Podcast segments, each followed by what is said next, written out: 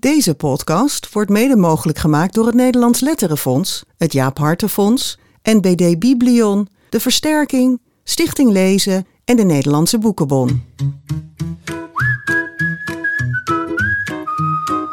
Dit is de grote vriendelijke update met Jaap Frieso en Bas Maliepaard. Een onderdeel van de grote vriendelijke podcast. Welkom bij de 113e aflevering van de GVP, maar het is eigenlijk een update. Ja. Waarin we afscheid eh, nemen van een rubriek, Jaap. Ja, Oh jee. ja. Ja, maar Ja. er is ook een nieuwe. Daarom, We introduceren ja. een nieuwe rubriek. Ja, Maar- dus het is minder dramatisch dan het lijkt. ja, en daarvoor hebben we zelfs een speciale gast hier aan tafel in kinderboekwinkel Kiekeboek. Maar die houdt zijn of haar mond Totdat ze aan de beurt. totdat hij zei hij of zij aan de beurt is. Laat het nou ook aan mij over, sorry, gewoon deze er introductie. niet mee, ja. Goed, straks meer over de nieuwe rubriek. Eh, we trappen af met eh, wat ons sinds de vorige update is opgevallen in de wereld van het kinderboek of daarbuiten. ja. Ja, nou is niet zozeer iets wat me afgelopen tijd is opgevallen, maar het eigenlijk nog moet komen. Want komende donderdag is het Schrikkeldag. Ja, Ja, dat is één keer in de vier 29 jaar. februari, Ja. ja. En eh, bij Schrikkeldracht de- de- denken heel veel kinderboekenliefhebbers meteen aan Tonkendracht. En je, de je torens verspreekt van- jezelf schrik, schrikkeldracht. Schrikkeldracht, ja. Het schrikkeldracht, ja. Nou, zij speelt ook enorm met dat, met dat woord eh, Ja. schrikkel in de torens van eh, februari. Dan zegt ze ook steeds, in plaats van ik schrok, zegt ze ik schrikte. Ja. Dat staat in het boek. De torens ook- van februari. eh, nou ja, dat, ik dacht, daar moeten we even bij stilstaan, toch? Want dat is toch bijzonder dat dat nu eh, deze week schrikkeldag is. En het boek is weer opnieuw verschenen. Dit Ja. is de elfde druk. Oorspronkelijk uit 1973. En nou ja, dat is weer in een mooie uitgave weer verschenen. En eh, wat bijzondere is dat ze eigenlijk bij ieder eh, boek in het nawoord... het is wel grappig dat ze eigenlijk steeds een beetje een nieuw nawoord schrijft. Voorwoord geloof ik in dit Ja, geval, voorwoord maar en een ja. nawoord. Oh, nee, ja, een beide. nawoord. Ja, nee, nee, ze ja, heeft ook een klein gelijk. voorwoordje eh, geschreven. Daar, daar ze zegt ze gewoon... Ja, dit al is heel mijn- minimaal, Dit is mijn meest raadselachtige Ja. boek. En ik krijg er nog steeds brieven over. Maar dat nawoord is vooral leuk omdat ze daar... dat hele mysterie wat rond het boek hangt steeds een beetje meer voedt. Dus al die nawoorden van de vorige drukken staan er ook bij. Ja. Waardoor je ook een soort van nou ja, toevoeging aan het verhaal eigenlijk krijgt. En dit keer heeft ze weer een verhaaltje over nou ja, dat, dat ze weer een brief kreeg van iemand die iets schreef over dat ze misschien Tim of Tom weer tegenkomen of die nog zou leven. En ja, dat is het bijzondere in dit boek. Dit is natuurlijk een enorm raadselachtig boek. Maar vertel even waar het over gaat. Want De niet iedereen heeft de torens van februari gelezen. Nee, dus ja, dan- de Torens van Februari gaat over een jongen die of Tim of Tom heet. Eh, die jongen eh, is, ja, het gaat eigenlijk over dat je in een andere wereld bent terechtgekomen. En dat kan alleen maar op eh, schrikkeldag. Ja. En daar heb je een woord voor nodig. eh, om in die andere wereld terecht te komen. En dit is heel erg Tonkendrachtiaans. Dus naar een deur naar een andere wereld. Het speelt eigenlijk in best haar werk eh, een grote rol. En eh, nou ja, dat, dat mysterie is het geheim van dit boek. En ik ken eigenlijk niet echt boeken waar zo lang na dato nog steeds zo'n iets omheen hangt dat iedereen wil weten en er niet uitkomt. ja, want dat woord dat staat niet in het, het woord boek, staat niet in het boek en iedereen heeft het altijd over dat woord. En daar speelt ze zelf dus ook enorm mee. Dat vind ik zelf heel grappig. Dat ze het maar blijft voeden. Ze is nu 93 en dat ze er overduidelijk ook nog plezier in heeft. En in, nou ja, Om dat mysterie in dat stand te houden. mysterie in stand te houden. Ja. En zij zegt dus ook dat, dat, dit, dat ze dit boek niet zelf geschreven heeft, hè, maar Nee. dat het een dagboek is wat ze, ja, het is een dag. Dat is belangrijk om ja, te zeggen. Het is de vorm ze van gekregen een, eh, heeft. Ja. En met, met eigenlijk ja, de, de vraag van wil je dit eens lezen? En zij heeft daar dit, ja, zij heeft het bezorgd eigenlijk. ja, Het precies. dagboek. Ja. Nou, Ja, Ja. Nou ja, dus heel bijzonder. En eh, we dachten ineens, we hebben nog de Harry Gelen tapes. De befaamde Harry Gelen tapes. Die hebben we eerder wel gebruik van gemaakt. Onder andere voor de uitzending over Paul Biegel. Eh, dat waren eh, bandjes die we van hem hebben gekregen. Die, die, waarin hij heel veel eh, kinderboekenmakers heeft geïnterviewd voor een film die hij aan het maken was. ergens in de begin jaren negentig geloof Ja, ik. Hè? Het is ja. ons nooit helemaal duidelijk voor Nee, wanneer en dat het zijn de ruwe opnames. Dus Ja. dan hoor je voortdurend hem praten en vragen stellen en doen ze het weer opnieuw. En dat was ook onder andere met Tonken. Dus we dachten, laten we dat nog eens even beluisteren en kijken wat ze over de, of ze daar ook iets over de torens van februari heeft gezegd. En verrek, Ja. dat heeft ze. Dus eh, daar hebben we even een paar fragmenten van geknipt, wat heel erg leuk is, vind ik. En eh, dat begint eh, nu met dat ze vertelt over nou ja, het beeld waarmee ze aan de torens van februari begon. Iemand staat plotseling op het strand voor de zee. Hij weet niet hoe die heet. En hij ziet dus zijn eigen voetstappen uit de zee naar zich toe lopen, maar hij is niet nat. Vreemde situatie. Zo begint het dagboek uit de torens van februari. Dat is een situatie, hoe kan die nou niet nat uit de zee gekomen zijn? Die, die, die situatie zag ik voor me, ja. En dan ga je eromheen maken. Ga je, hoe komt dat? En dan, uh, dan zit hij steeds zee. Een woord dat ik voor het eerst hoor. Strand. Ik zag heuvels in de verte. En dan pas na een poos komt hij dacht duinen. En ik heb dus op alle manieren geprobeerd dit verhaal te schrijven. Maar het werkte alleen als ik het schreef in de ik-vorm van een dag uit een dagboek. Vanuit die, die, die figuur die zijn geheugen verloren. En die alles dus inderdaad ziet alsof je s'nachts wakker wordt. Het is donker, je weet niet meer je hoofd of je voeten zijn. Maar het is heel moeilijk om, om, om te... Ik vond het moeilijk om te schrijven in de ik-vorm. Ik vond het ook leuk. Je moet altijd iets nieuws proberen. Het verhaal had het nodig dat het zo was. Het stelde me voor enorme problemen. Tjee. Want op een gegeven moment uh, heb ik zelfs helemaal getimed. Als hij zegt, ik heb een half uur zitten schrijven, dan heeft hij ook een hoeveelheid tekst geschreven die je in een half uur kunt schrijven en niets meer. Ja, geweldig hè. Het blijft zo mooi hoe je hierover praat. Wat wel opvalt hieraan vind ik, wat jij net in, eh, zo net zei, hè, van ze zegt altijd dat dit boek haar bezorgd is, maar hier hoor je wel heel duidelijk dat ze ja. gewoon echt zelf helemaal verzonnen Ja, hier was ze even vergeten om de act vol te houden. Ja. ja, we hebben natuurlijk uh, ook, ook geïnterviewd, in uh, twee afleveringen met haar gemaakt, al bijna weer vijf jaar geleden. Haar stem is niet veranderd. Nee. Uh, uh, of tenminste, haar stem is juist wel veranderd, maar de manier waarop ze praat niet. Nee, en de manier waarop ze dit mysterie zo Heel associatief en hak op de tak-achtig en zo. Ja. nou ja, dit boek neemt dan echt een hele speciale plek in. In de Euvreens vertelt ze ook altijd dat ze uh, op dit boek de meeste reacties heeft gekregen. En in, in deze nieuwe uitgave vertelt ze dat ze nog steeds brieven krijgt. Maar ook aan Harry Gele vertelde ze over de reacties op het boek. Ik heb de dagboekjes gekregen en gepubliceerd, maar die jongen is nooit teruggekomen. En er waren recensenten die het niet wilden bespreken, omdat ze dachten dat de jongen zelf met had gepleegd. Dat kon niet in een jeugdboek. Je kunt het zo opvatten, maar het hoeft helemaal niet. Hij is als ontsnapt naar een andere wereld, maar die andere wereld kan de wereld van de dood zijn. Dat kan. Ik weet het niet wat er gebeurd is. Ik laat het in het midden. Het is een dagboek dat gevonden is. Dus de lezer mag zelfs de conclusies trekken. Sommige, dit is inderdaad een boek dat door sommige mensen razend eh, van woede in een hoek wordt gegooid. Of ze vinden het mooi, maar dat is geen tussenweg. Ik krijg er het meeste fanmail over, de meeste brieven over. Van mensen die van huis weg willen lopen.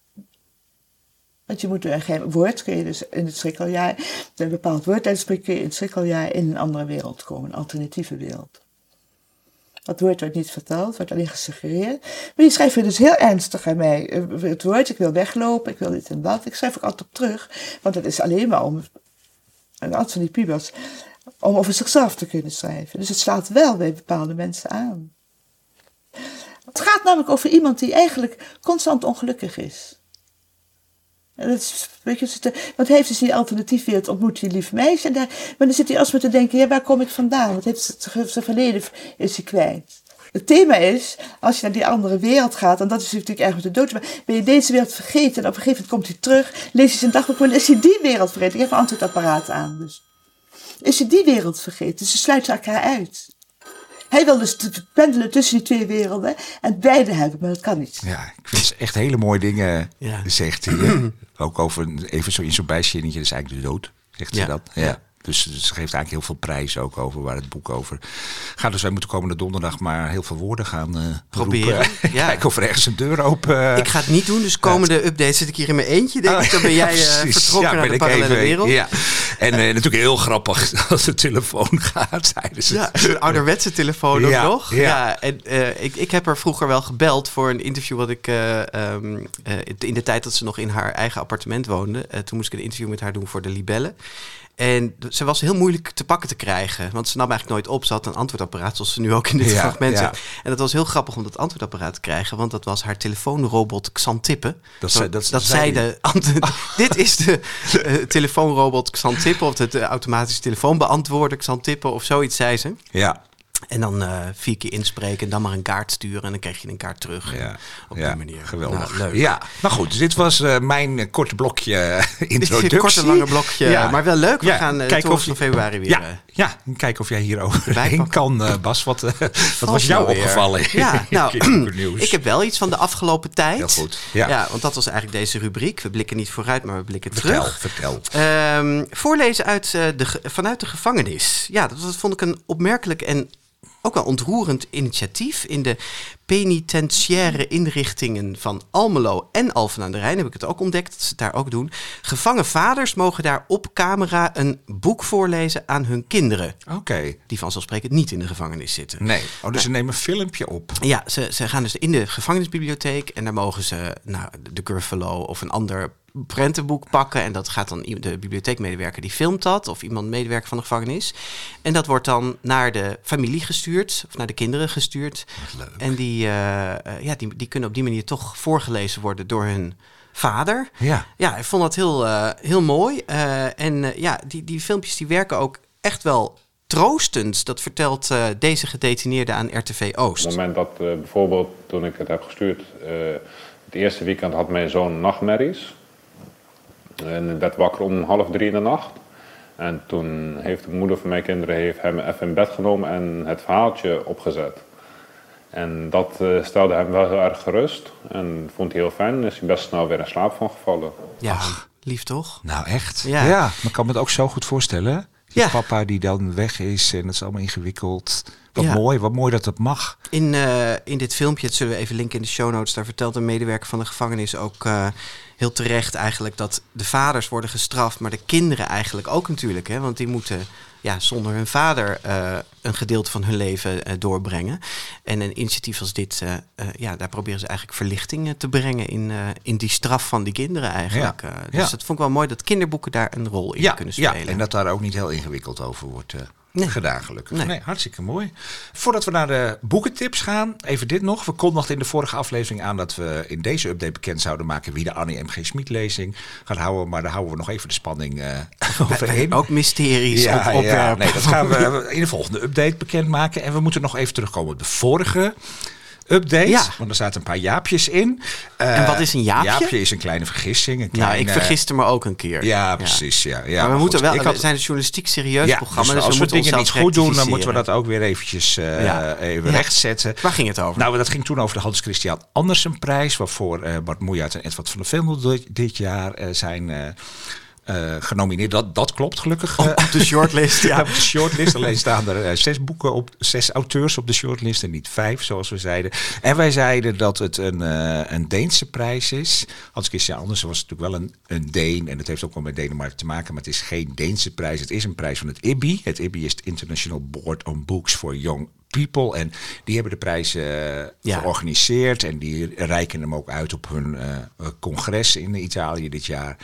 En uh, dus niet uh, door de Deense nieuwe ja. koning. En je weet zeker dat dat congres in Italië is? Want ja, anders krijgen we daar een mail over. Triest. Oh, heel ja, fijn. Ja. Je vertrouwt mij ook niet helemaal. Nee, ik vertrouw je niet meer. Nee. nee, maar de verwarring ontstond natuurlijk omdat uh, Hans Christian Andersen een Deen is inderdaad. En wij zetten het een beetje af tegen die Astrid Lindgren Memorial Astrid, Award. die wel echt bij Zweden hoort. En de Deense koningin was lang beschermvrouwen van de prijs. Dus dat geeft dan ook dat Deense gevoel.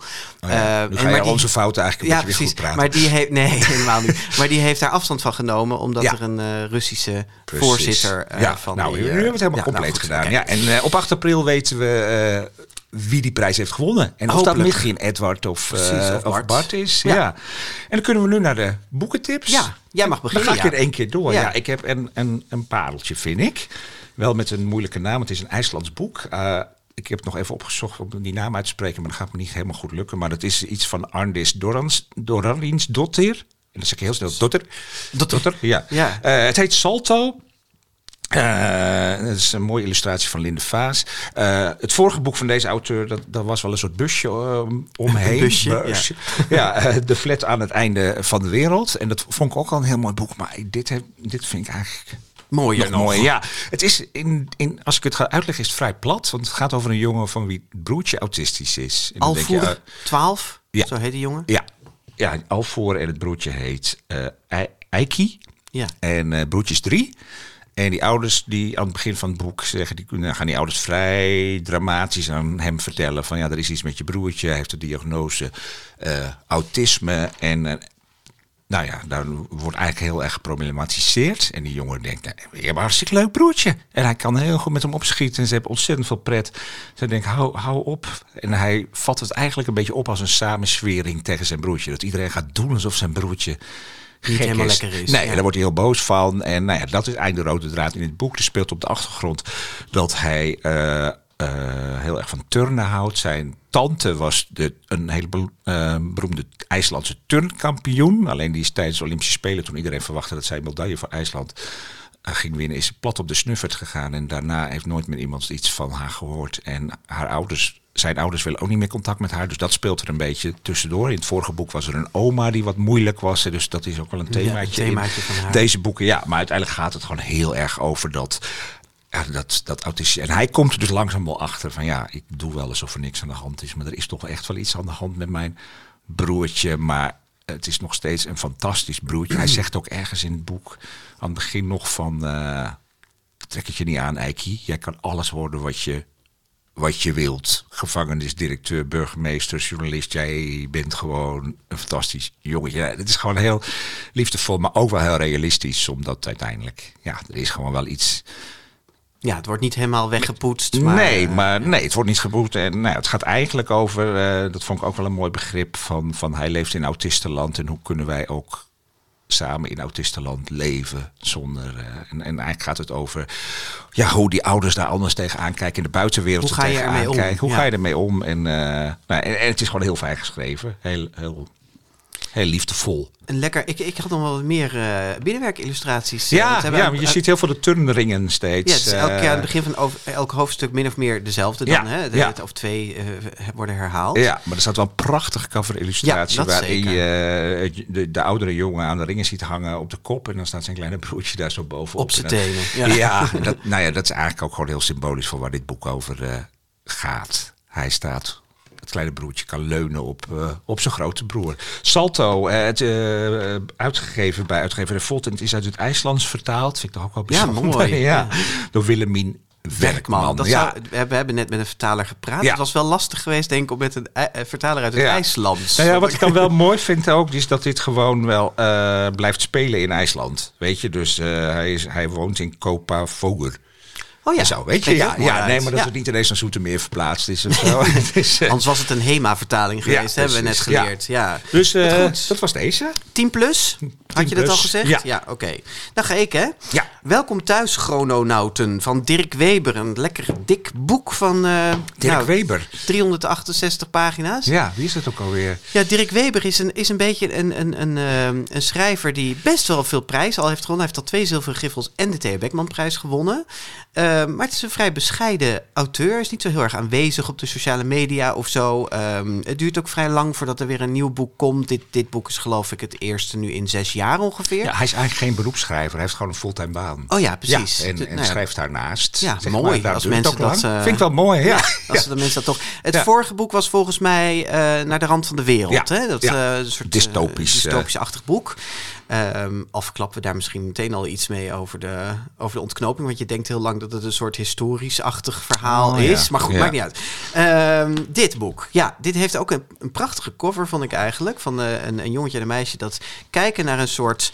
Ja, um, wat is het? Een soort draaikolkje in de wolken. En ik was ook heel benieuwd, want er staat in het boek Omslag Dirk Weber. Hij heeft het zelf gemaakt. Heeft hij dit zelf gemaakt? Ja, ja, ja, dat anders zou zijn naam daar niet staan, nee, Jaap. Nee, nee, maar, dit is niet een, het is een soort, ik weet niet wat het is namelijk. Nou ja, een schilderij of een foto of oh, geshopt iets, dat, dat, was het ja, meer. Precies, ja. Nee, het heeft ook een beetje zo'n zo'n ouderwetse feel, een beetje nostalgische feel, uh, dat plaatje. En dat klopt ook wel, want het boek speelt in de jaren 50. Daar heeft Dirk Weber wel iets mee, hè? Het uh, boek van de geit, uh, de goochelaar en ik, of hoe heet het ook alweer? Ja, nou, zoiets dat moeten mensen maar googelen. Ja. ja. precies. Dat speelt ook in de jaren 50.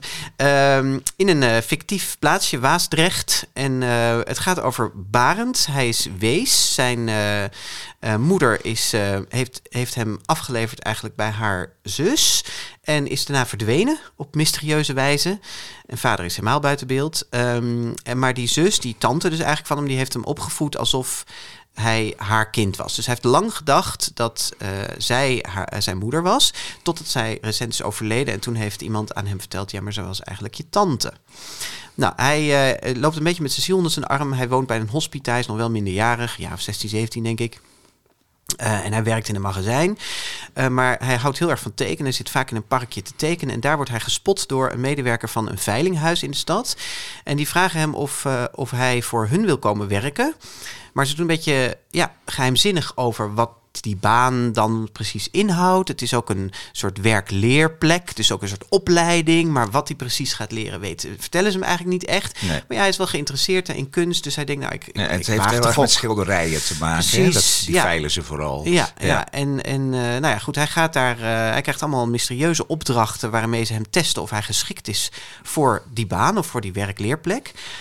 Eh, maar als hij uiteindelijk dan het contract getekend heeft om daar te gaan werken, blijkt eigenlijk pas wat er, wat hij echt, wat er echt van hem verwacht gaat worden. Chrononaut. hij wordt chrononaut. en dat is eigenlijk een soort tijdvaarder. Ja. Eh, boven op de zolder van, eh, van dat veilinghuis, daar is een, een wak in de lucht, zoals ze het beschrijven. waar het naar onweer ruikt. Wordt ook heel mooi, mooi beschreven. En als je het aanraakt, dan voelt de lucht als gelatine. En ehm, eigenlijk, ja, daar vertel ik eigenlijk niet te veel mee, want het wordt vrij snel al duidelijk. En hoe dat eh, avontuur zich gaat ontwikkelen, dat moeten mensen zelf maar lezen. Maar eigenlijk is het, eh, het, het best eh ingenieuze idee van die veilingmeester is... wij zoeken uit ehm, welke kunstwerken er in het verleden verloren zijn gegaan. Bijvoorbeeld door een brand of bij een verhuizing of iets dergelijks. Die nooit zijn teruggevonden. En hij stuurt deze jongen en andere chrononauten naar een eh, tijd voordat die Precies. kunstwerken ja, verloren voor de gingen. brand, voor de Ja. overstroming. Ja. Dan moet hij ze ontvreemden en op een plek verbergen die in het nu ook nog bestaat. En daar kan die veilingmeester ze dan tevoorschijn halen. En dan is er dus een herontdekt kunstwerk van wat altijd verloren gewaand was. En dat kan die duur verpatsen. Ja, en dat, nou ja, want het eigenlijk wordt het een beetje gebracht onder hele nobele Ja, doeleinden. ze doen maar- alsof ze kunst redden, Ja. maar ondertussen krijg je ook wel steeds meer in de gaten van Ja. die veilingmeester is nogal meedogenloos en die, het gaat hem eigenlijk alleen maar om, om het geld. Ja. Eh, nou ja, goed. Maar de, ja, die jongen die reist dus verschillende keren naar het verleden. Wordt ook prachtig beschreven hoe die, die tijds, dat tijdsverloop dan is. Als een soort riem met gaatjes die in bochtjes Ja. ligt. En de, Ja, als de gaatjes ik heb net een Netflix-serie gezien waarvan ik natuurlijk de titel niet meer weet, maar die dit ook het breekt heeft. nu even in op mijn mooie uitleg. Sorry, hè? oh ja. ja. maar omdat dat daar ook heel erg over gaat, dat mogen wij hè, onderling. Eh, ook echt door dat gat heen in een andere tijd. Ik vond het ook wel een beetje lezen als een Netflix-serie. Ja, echt wel. Ja, ja. Maar goed, de, ja, hij, eh, d- dat hele tijdreizen, dat verwikkelt op een gegeven moment met de zoektocht naar zijn moeder. En meer ga ik daar niet over Nee. zeggen. Maar, eh, En waarom dat, vond je het eh, zo, waarom wil je ja, ik tippen? vond het heel meeslepend. Dus je wilt echt in. Ik heb het ook bijna echt. eh, ik had de eerste dag 100 bladzijden en de volgende dag 250 bladzijden gelezen. Ja, en dat is je wil maar door. eh. Dat is voor mij best Ja. bijzonder. Ik moest er ook echt een hele dag voor gaan zitten. Ja. Eh, maar, ik ook hoor, ik heb het echt in één ruk. eh, je wilt weten hoe het verder gaat. Ja, en het zit gewoon echt. heel- Hij heeft het echt heel goed en zorgvuldig uitgewerkt. Dus het is niet zomaar even een tijdreisverhaaltje. Nee, maar het is ook weer niet een kunsthistorisch boek wat je zou denken. Nee, Want nee. Het, het is niet dat die schilders allemaal... Nee, ik nou, zag er ook niet te veel over verklappen, maar Nee, nee. Komt, ergens komt Breitner erin voor. En dan denk Ja. je, hé, hey, Ja. zij bestaan die andere schilders dan echt? Ja. Ga je even googlen, blijkt niet zo te Nee, zijn. precies. Eh, maar goed, het is gewoon echt een heel meeslepend verhaal. Heel lekker geschreven. En ook een mooie ontwikkeling van, de, van die hoofdpersoon erin.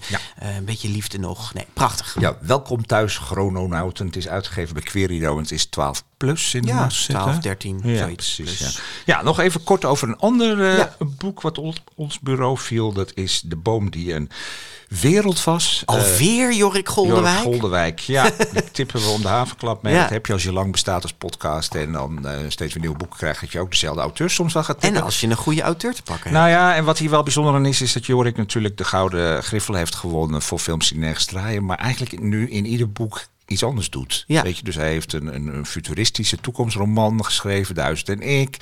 En nu komt hij met een eh, verhalenbundel over dieren.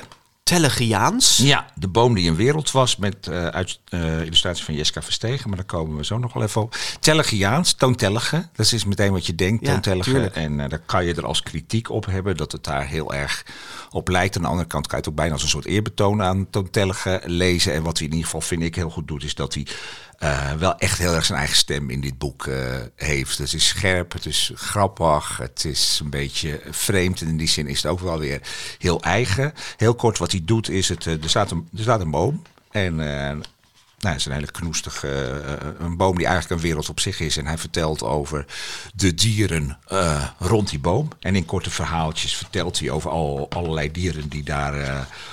omheen leven. En wat hij, vind ik, heel kunstig doet, is dat dat ook allemaal weer een beetje in elkaar draait. Dus het is een soort samenspel. er komen soms dieren weer in elkaars verhaal terug. Dus dan heb je een dier over een verhaal over snoeken, over een eendagsvlieg. Wat ik ook heel grappig, grappig vond. Een eendagsvlieg die zich iets herinnert als de dag van gisteren. Is, is, dat jouw favoriet? Nou, is niet mijn favoriet, maar dat vond ik dat zinnetje is wel mijn favoriet. Nee, ik, ik, ik heb niet echt een favoriet, maar wat ik een heel mooi verhaaltje vind is uh, over de kruispin. Ja? De kruispin die uh, eigenlijk heel erg perfect is in, in, in het maken van een web. Waardoor al die dieren daar. En daar baalt hij eigenlijk een beetje van. Want hij is wel een beetje klaar met al die dieren opeten. Terwijl hij wel steeds honger heeft. Maar ook steeds. Als hij dan weer zo'n miertje in zijn web ziet. Denkt je, ja, wat sneu. Ja, wat zielig. En moet ik dat wel doen? En ja.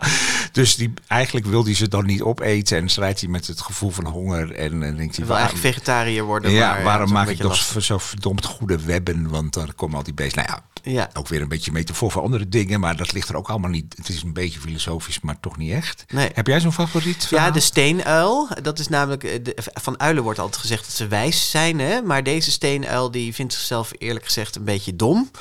Uh, zo dom dat hij zich wel eens afvraagt of hij niet eerder een steen is dan een steenuil. Ja. Dat vond ik wel heel erg grappig. Ja, ja.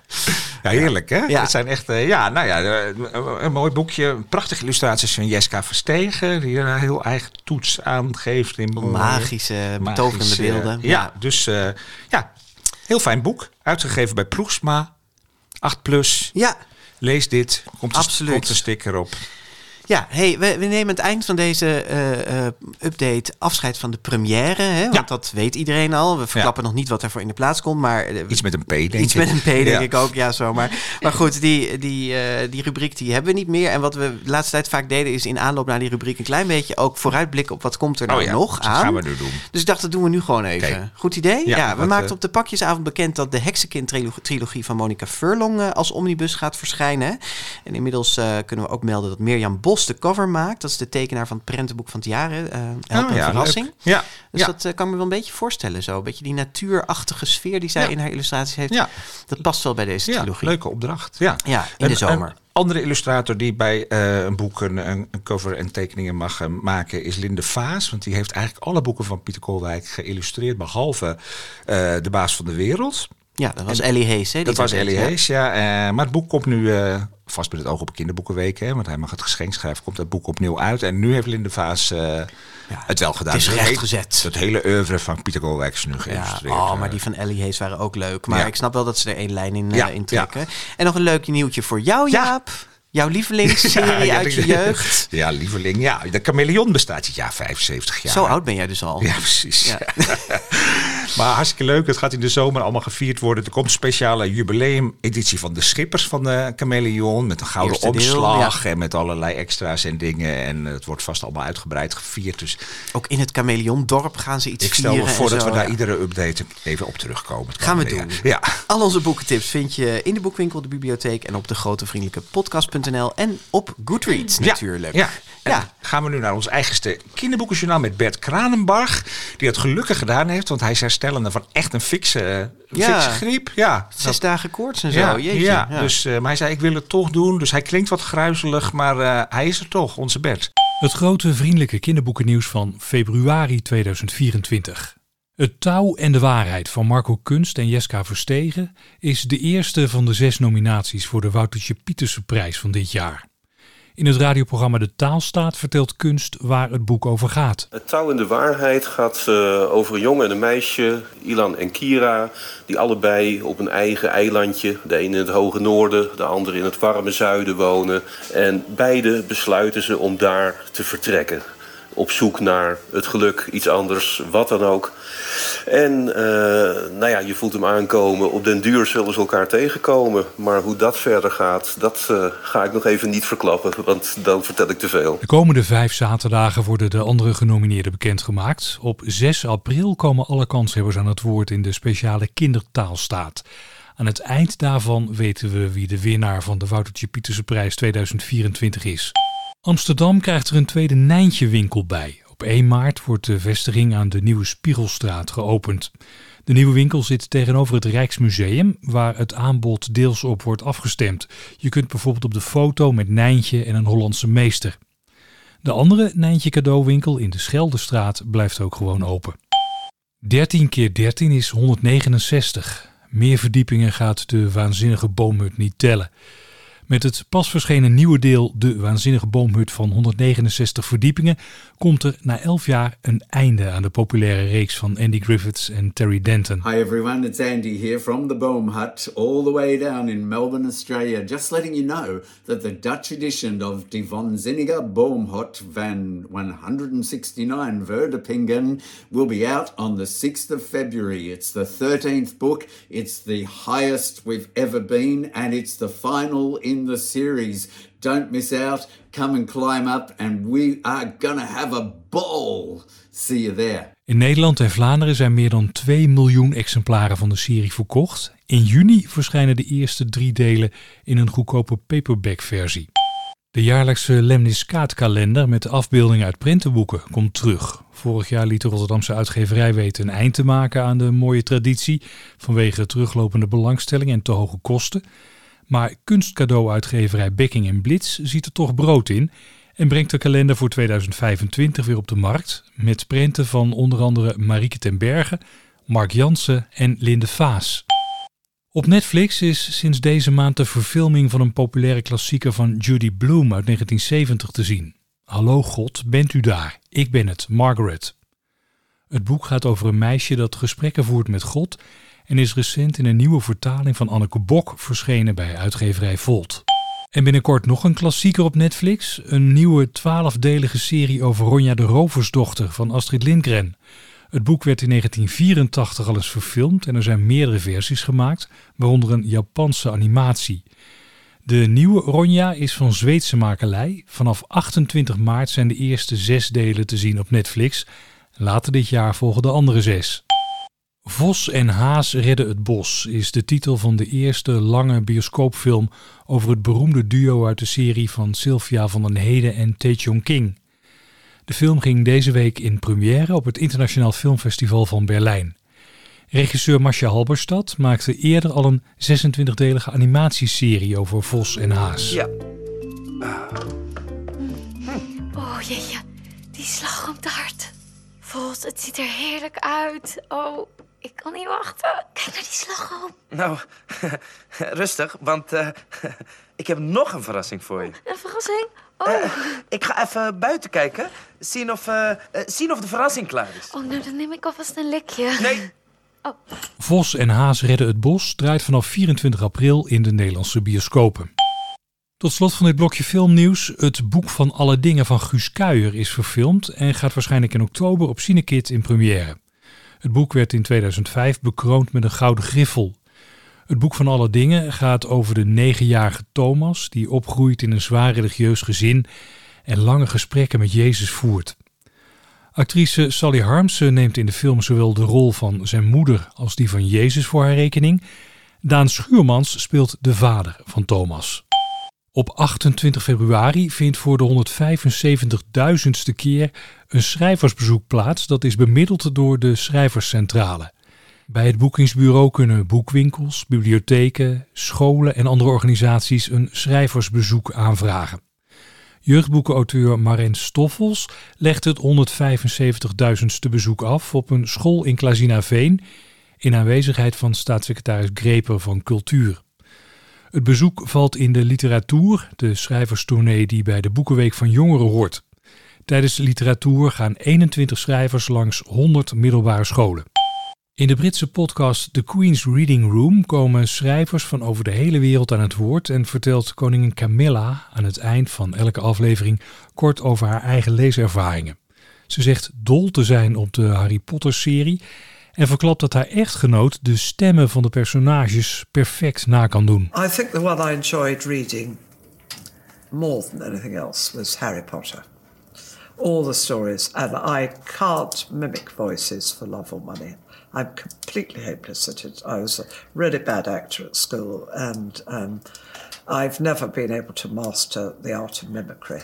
But um, my husband He does brilliant. He can do all the voices. In een andere aflevering vertelt de koningin dat ze als kind doodsbang was voor Alice in Wonderland van Lewis Carroll. Ze vond het eng dat Alice het konijnenhol ingaat. Er zijn ook kinderboekenschrijvers in de podcast te gast. In deze eerste serie Joseph Coelho en Frank Cottrell Boyce.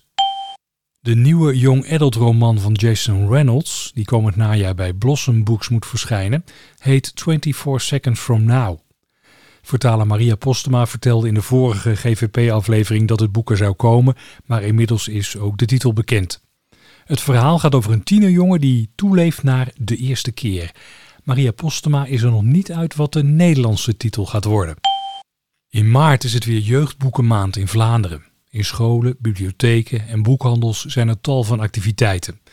Dit keer is het thema sport en spel. Dat wordt vertolkt in het jeugdboekenmaandlied. Lezen, dat is spelen en sporten met je hoofd. Je kan jiu-jitsu wordt vertreden, nog een nieuw boek uit gaan lenen. Heel hard lopen met de benen, bij een triest verhaal wat wenen. Af en toe met tennis winnen, aan een nieuw boek snel beginnen. Zwemmen met zo'n bril en winnen, dromen van heel mooie zinnen. Check het zelf maar als je mij nog niet gelooft. Lezen, dat is spelen en sporten met je hoofd. Ja, ik wil lezen. Ja, dat was hem. Bert, uh, wetenschap zullen we maar, uh, ja, maar zeggen. Ja. En Bas, je, je Lemmiskaatkalender is gered. Mijn Lemmiskaatkalender ja, nou ja, daar was jij zo dol op. Ik ook wel. Maar uh, ja. was echt verdrietig toen hij... nee, ik vond het wel jammer. Ja. Maar goed, de, de, ja, die Backing Blitz is een leuke uitgeverij. Die, die kennen mensen wel van de aanzichtkaartmapjes en oh, zo. Weet je, en agenda's en dat soort dingen. En veel met, met kunst doen ze. En dus ook met kinderboekillustratoren. Dus ik denk dat het daar heel goed past. Nou, je kunt ze weer bestellen voor 2025. Ja. Hey, net over dat vooruit blikken um, uh, boeken die eraan zitten te komen. We hoorden net dat Marco Kunst voor het tweede jaar op rij genomineerd is voor ja. de Woutertje Pieterse prijs. Uh, vorig jaar met Patroon en dit jaar dus met... Het Touw en de Waarheid. Het Touw en de Waarheid. Ja. Hij zou daar zomaar nog een jaartje aan kunnen plakken als zijn volgende boek, dat in de zomer verschijnt, ook weer goed is. Want er komt een nieuw dystopisch boek voor 12 plus van hem uit. De Macht van Algas gaat okay. dat heten. Ja, gaan we lezen. Hey, en opvallend dat er veel verfilmingen in Enorm het blogje veel. Ja.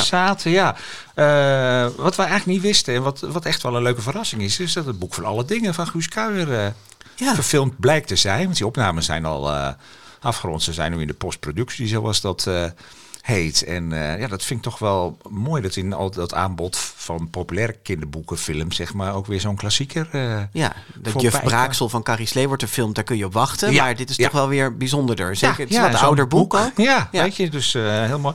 En ja, wel bijzonder, want het is een, een boek en dus ook de film waarin een jongetje met Jezus uh, praat. En we kwamen ook nog een film voorbij waarin een meisje met God praat. Ja, hè? Hallo, is, hallo God. is ons religieuze blokje. ja, ja, precies. En uh, dat, dat, dat boek en die film van Judy Bloom, die... Uh, dat heb, heb jij gelezen, gelezen en, en, gezien. Ja, ja. ja want het is uit 1975 al, uh, of 73 geloof ik, maar 75 is het boek eerder vertaald in het, uh, in het Nederlands en nu is het opnieuw vertaald. En uh, ik wist dat eigenlijk niet, maar die Judy Bloom is echt een gigantische ik ken dit ook helemaal niet. bestseller verkoop. Ze zegt, die heeft meer dan 82 miljoen boeken verkocht in, in 32 talen. Zo. En toen ik mijn recensie online had gezet, kreeg ik ook echt meteen reactie van, oh, dat was mijn lievelingsboek, het was mijn lievelingsschrijfster. Dus een beetje buiten onze belevingswereld, ook niet zo gek, want dit boek vooral, dus het gaat heel erg veel over een meisje dat haar eerste BH past gaat kopen, over menstruatie. Uh, dus ik heb veel geleerd. Ja, uh, ja. Zeg maar, dan gaat die film ook. Uh, masturbatie. Oh, masturbatie. Nou, daar schreef ze dus in. Nou, daar schreef oh. ze in die boek. Ja, ook hoor. Maar daar schreef ze in haar boek over. En dat was wel bijzonder. Dat ze ja. begin jaren zeventig al over die onderwerpen schreven. Nu zeker in deze tijd, waarin dat allemaal zo snel onder onder vuur ligt en zo. Toen was er ook al wel kritiek, maar ja, had je natuurlijk minder social media, media ja. en nog geen vorm van democratie. Dus, maar dit boek staat dus zelfs in de Times 100 ja, beste, dus zeg maar de grote vriendelijke 100 van Groot-Brittannië. Ja, ik heb met veel plezier gelezen en die film is ook echt een, uh, een aanrader. Hartstikke leuk. Staat op zo. Netflix. Ja. Hey, en dan de schrijverscentrale. Ja, 175.000ste bezoek. Hè? Jeetje, het zijn... Uh, niet uh, voor te stellen, ja. Ja, nee, zij bemiddelen dus voor schrijversbezoeken op, op scholen, maar ook bij bedrijven bijvoorbeeld en zo. Hè? Dus je kunt gewoon, als je een schrijver op bezoek wil hebben, dan kun je naar de schrijverscentrale. Ze hebben rond de duizend kinderboekschrijvers in hun bestand. Um, die gaan dus heel veel rond op, uh, op scholen. Het is er een belangrijke bron van inkomsten natuurlijk voor kinderboekschrijvers. Ja, ja en je kan op zo'n website kan je zoeken van ik zoek een schrijver die heel veel over geschiedenis. Een bepaald thema ja. of een bepaald genre. Je kunt van allerlei dingen, dingen zoeken inderdaad. Uh, zes jaar geleden is er onderzoek gedaan naar het effect van die schoolbezoeken. En daaruit kwam toch wel dat het heel erg uh, bijdraagt aan het plezier van kinderen in lezen. En ook eigenlijk uitdaagt om die boeken te gaan lezen. Ja, of aanmoedigt. Ook omdat ze er echt vaak een project van maken op school. Dus voordat een schrijver komt gaan ze al die boeken lezen, met elkaar over praten. En worden ze echt een beetje in zo'n schrijver Ja. In, in het oeuvre getrokken Ja, en zo. En ja. dat, dat zorgt voor veel enthousiasme. Het maakt veel indruk als er iemand voor de klas staat die echt eh, boeken schrijft. Schrijven, Ja, ja. eh, dus bij mij vroeger op school kwam er nooit een schrijver langs. Vind ik nog steeds jammer. Ik had echt graag nu willen zeggen... in mijn jeugd kwam Anke de Vries op school of zoiets. Maar Nee, dat ik hebben kan ze het, nooit eh, kan het me ook niet herinneren. Nee. Nee. Nou goed, Nee. maar leuk dat ze eh, dit doen. En, ja, eh, die 175.000ste. en dat is Maren Stoffels, dus die, eh, eh, Ja. het bezoek gaat Hey, afleggen. en eh tadadara, dan gaan we Ja. nu naar de nieuwe rubriek. Oeh, spannend! Ja, ja, want Ja. we nemen dus na eh, dik twee jaar afscheid van de grote vriendelijke première. We hebben prachtige eerste bladzijden gehoord Absoluut. die nieuwsgierig maakten. Maar we vonden het weer tijd voor iets nieuws. En eh, Voor het eerst in ons bestaan van de Grote Vriendelijke Podcast krijgen we een eigen columnist. Tada. En dat is niemand minder dan Katinka Polderman. Ja. Welkom, ja, Katinka. Welkom bij de GVP, want we zochten natuurlijk iemand met een, Met een P. Met Zo Ja. zijn we bij jou gekomen. Ja. Groot vriendelijk polderman. Ja. Ja. Ja. Jij gaat voortaan op je eigen manier eh, de Grote Vriendelijke Update afsluiten. In een rubriek die we natuurlijk de Grote Vriendelijke Polderman hebben gedoopt. Eh, mensen kunnen je kennen als cabaretière. Je maakte meerdere programma's met vooral liedjes. Eh, nadat je in 2005 de jury in de publieksprijs van het Leids Cabaret Festival eh, won. Maar je bent ook, de, daar ben je momenteel denk ik vooral bekend voor. Hè, vooral voor de mensen die Volkskrant lezen. De bedenker en maker van De Beslisbomen. Een populaire eh, rubriek. En je hebt ook zelf kinderboeken geschreven. Twee samenleesboeken over de basisstraat voor beginnende lezers. Bij Billy Bones. bij hè? Billy ja. Bones, Ja. Ja. Hey, als een kind aan jou vraagt, eh, wat is jou, of iemand anders aan jou vraagt, wat je beroep is, wat zeg je dan als eerste van al deze activiteiten? Beslisbomenmaker? Of kinderboekenschrijver? Ik weet het op het moment zelf eh, vaak niet zo goed. Eh, maar ik denk dat het op dit moment, ja, op dit moment verdien ik mijn brood eigenlijk met de beslisbomen maken. Het is toch wel geweldig Ja. hè, dat je daar je brood mee kan verdienen. Het is helemaal per ongeluk ontstaan. En eh, ja, nu is het mijn hoofdberoep. Ja, ik ben ook nog wel andere dingen aan het maken, maar die, die- dat zijn meer projecten met een lange, lange adem. Ja. Is dat cabaret een beetje op de achtergrond geraakt? Ehm, ja, ja, ik treed nog af en toe wel op in ehm, avonden met meer mensen eh, op één avond. En dan, dan vul ik een kwartier of twintig minuten. Maar ik heb geen avondvullende voorstelling. En dat komt er volgend seizoen ook niet. Nee, en ik denk het het seizoen daarna ook niet. Oké. Nee. En heeft dat, heeft dat te maken met dat je een driejarige thuis hebt rondlopen, waar je veel bij wil zijn? Ja, nou niet zozeer dat ik daar nou... Ik wil natuurlijk veel bij hem zijn, maar eh, dat is niet de hoofdreden. Als je optreedt, dan ben je drie avonden per week, kom je om één uur s'nachts thuis. En dan is het echt niet dat die kinderen denken van... nou, mama heeft eh, is drie avonden eh, lang, laat thuis gekomen. Laten we er lekker op bed laten liggen. Die, die denken, oh, we hebben er lang niet gezien. We gaan er wakker maken om zeven uur.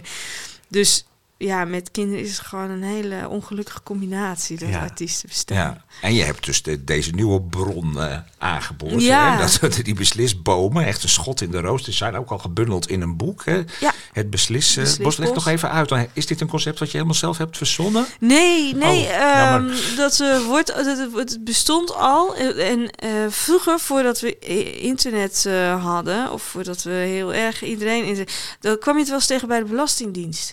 Hè, dan was het van, nou, eh, heeft u een Ja. koophuis? Ja, nee. Eh, heeft u thuiswonende kinderen? Ja, nee. En dan uiteindelijk wist je in welke box je eh, viel Ja. eh, voor je belasting. En met corona natuurlijk het snottenbellenprotocol was het ook. Nou, mijn kind heeft een snotneus. Ja. Eh, en dan had je ook een beslisboom om te En bepalen. jij dacht, leuker kunnen we niet maken. Ik ga een beslisbom. eh, Ik dacht, eh er zijn veel nuttigere onderwerpen te bedenken die in zo'n beslisboom aan bod kunnen komen. ja. Zoals? Zoals, eh, nou, heeft hij AirPods of een psychose? Vond ik een hele nuttige. Eh, is het kunst of is het nuttig? Moet ik het bonnetje bewaren? Eh, Het nou zijn ja, altijd vragen. Het begint zijn- met een vraag. Het is eigenlijk altijd wel, ja, het zijn altijd vragen. In elk vakje staat een vraag en in, meestal is het antwoord ja of nee. En eh, nou ja, dan elk eh, de ja wijst naar het volgende vakje en een nee wijst naar een ander volgend vakje. En zo kom je langzaam tot een min of meer een antwoord. Ja. Is het uw aandacht waard, was geloof ik Ja, de laatste. ja, Vond ik ook eh, een mooi. Is het uw aandacht waard? Ja, Ja, dat vraag ja. je wel eens af. Ja. Ja, Ja. me- meestal als, het je, als je het je afvraagt, is het je aandacht niet niet waard. Dat was dan een Maar dat heel kort beslisbosje was dat. Een bonsaiboompje. Ja, een hele, hele filosofische rubriek is het. De nou, type levensvragen. Eigenlijk wel. Nou, eigenlijk is het een soort afspiegeling van wat er vaak in mijn hoofd gebeurt.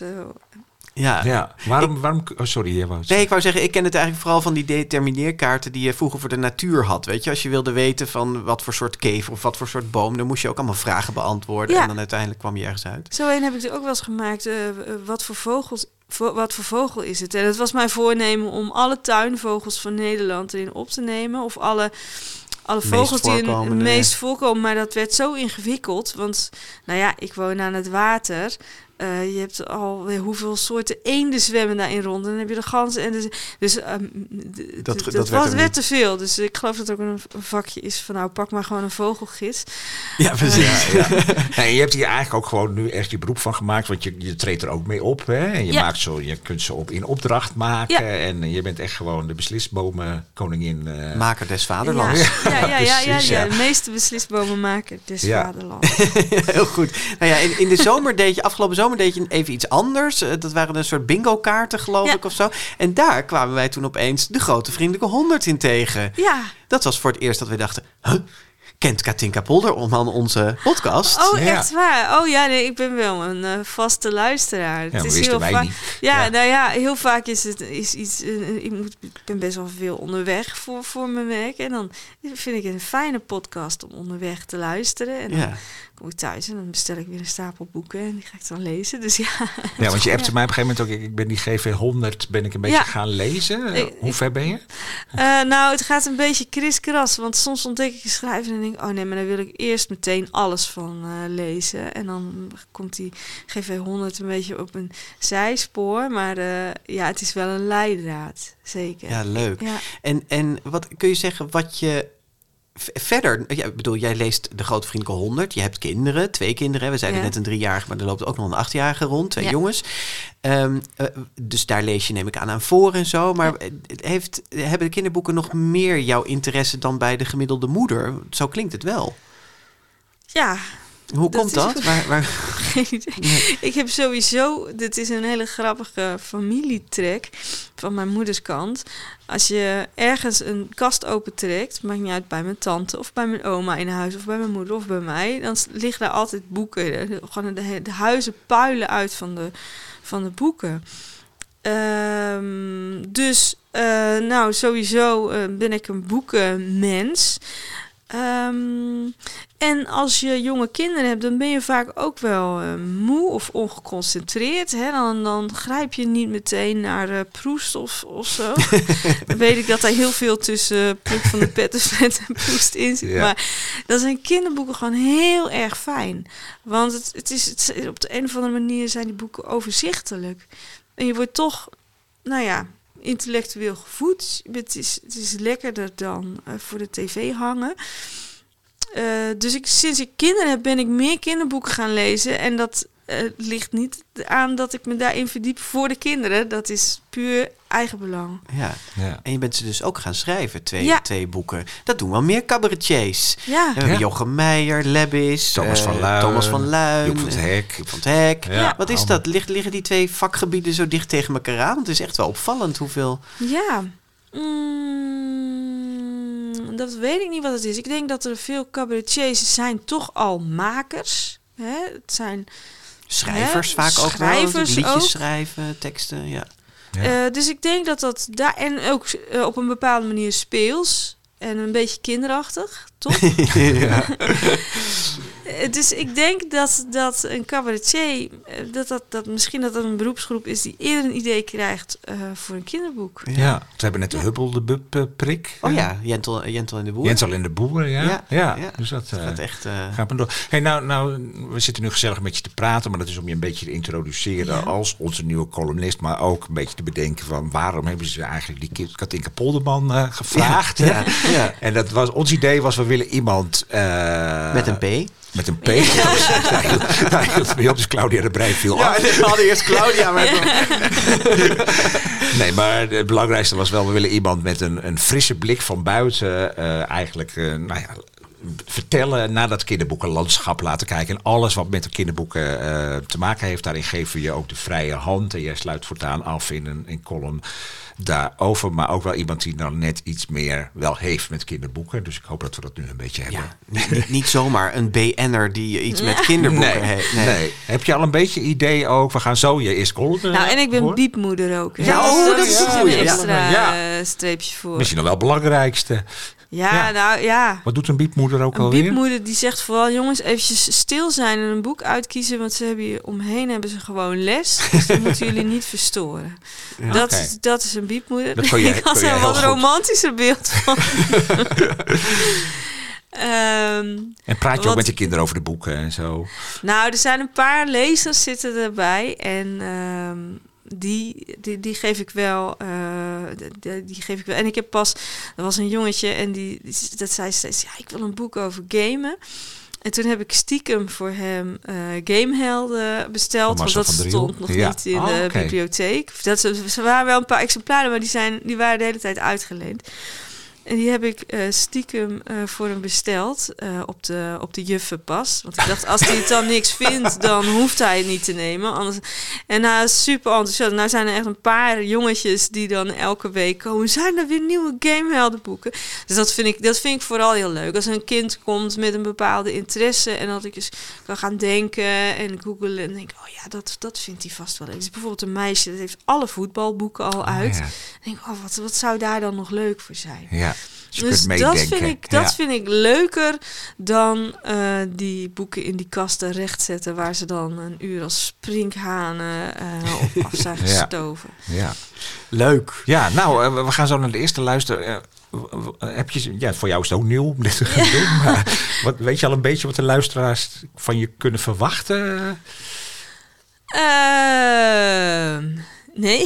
Nee, nee. nee, nee. Ik, uh, ik, um, dat is vaak met dingen, maar wat ik ook maak, vaak is het maar ergens beginnen en dan komt er wat uit wat ik van tevoren nooit had kunnen bedenken. Dus dat zal hierbij ook wel zo zijn. maar je dacht wel toen we je vroegen van, oh, dit lijkt me leuk. Dus, ja, dus ja maar je had het heel druk. Nou ja, ik had het heel druk. Ik had ook heel lang gewacht met uh, ja, definitief zeggen van, ga ik dit ja. doen?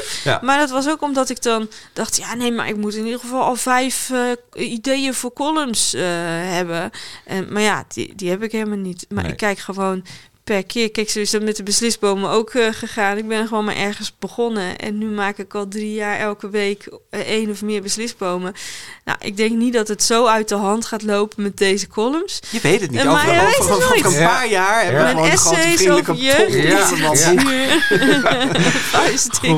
Ja. ja. Nou, we moeten maar eens gaan luisteren. We zijn heel benieuwd, want wij hebben dus ook niet gehoord. Zeker de column niet. of nee, gelezen. Dat doe je niet met de columnist, nee, dus helemaal de eigen vrijheid. Ja. We hebben ook nog wel even een natuurlijke speciaal speciale jingle gemaakt voor oh, deze rubriek. Heb nou, je zelf ook nog niet gehoord. Nee. Dus uh, uh, ga zitten en hou je vast. Hij is deze keer ingesproken door Ella, de zesjarige dochter van, uh, van Bas. luister mee en daarna mag je van, van wal steken. De grote vriendelijke polderman. Polderman. Polderman. Er zijn meer dan genoeg boeken voor volwassenen. Waarom zou een volwassene dan kinderboeken lezen? Waarom je heil zoeken bij een plankje dat helemaal niet voor jou bedoeld is? Nou, er zijn ontelbaar veel hele goede redenen voor. En ik ga er nu vier van geven. Reden 1. Er is vreselijk veel ellende in de wereld en er lijkt alleen nog maar meer bij te komen. In boeken voor volwassenen loop je het risico op je vrije avond nog meer narigheid te verstouwen te krijgen. Toevallig ben ik nu bezig in een boek voor volwassenen. Een fantastisch boek, maar al voordat het op de helft is, gaat de hoofdpersoon dood. En die was sowieso al vanaf pagina 12 bloed aan het ophoesten. Omdat het boek nog maar op de helft is en toch een hoofdrolspeler nodig heeft, schakelen we over naar haar stiefdochter. Binnen een stuk of vijf korte hoofdstukken wordt ze onderdrukt, tegengewerkt, ontvoerd, verkracht en in de steek gelaten. En haar stiefmoeder was dus al dood en haar biologische ook. Zoiets zal in een kinderboek niet gebeuren. In de wereld van pluk, mot en lampje is er vaak wel ellende, maar altijd overwint het goede, altijd is er hoop, schieten vriendelijke medepersonages te hulp en worden problemen één voor één opgelost. Zelfs in Jefferson, waarin een groep dieren het bestaan van de bio-industrie in de mensenstad ontdekt, is er behalve ontzetting ook troost, hoop en gerechtigheid.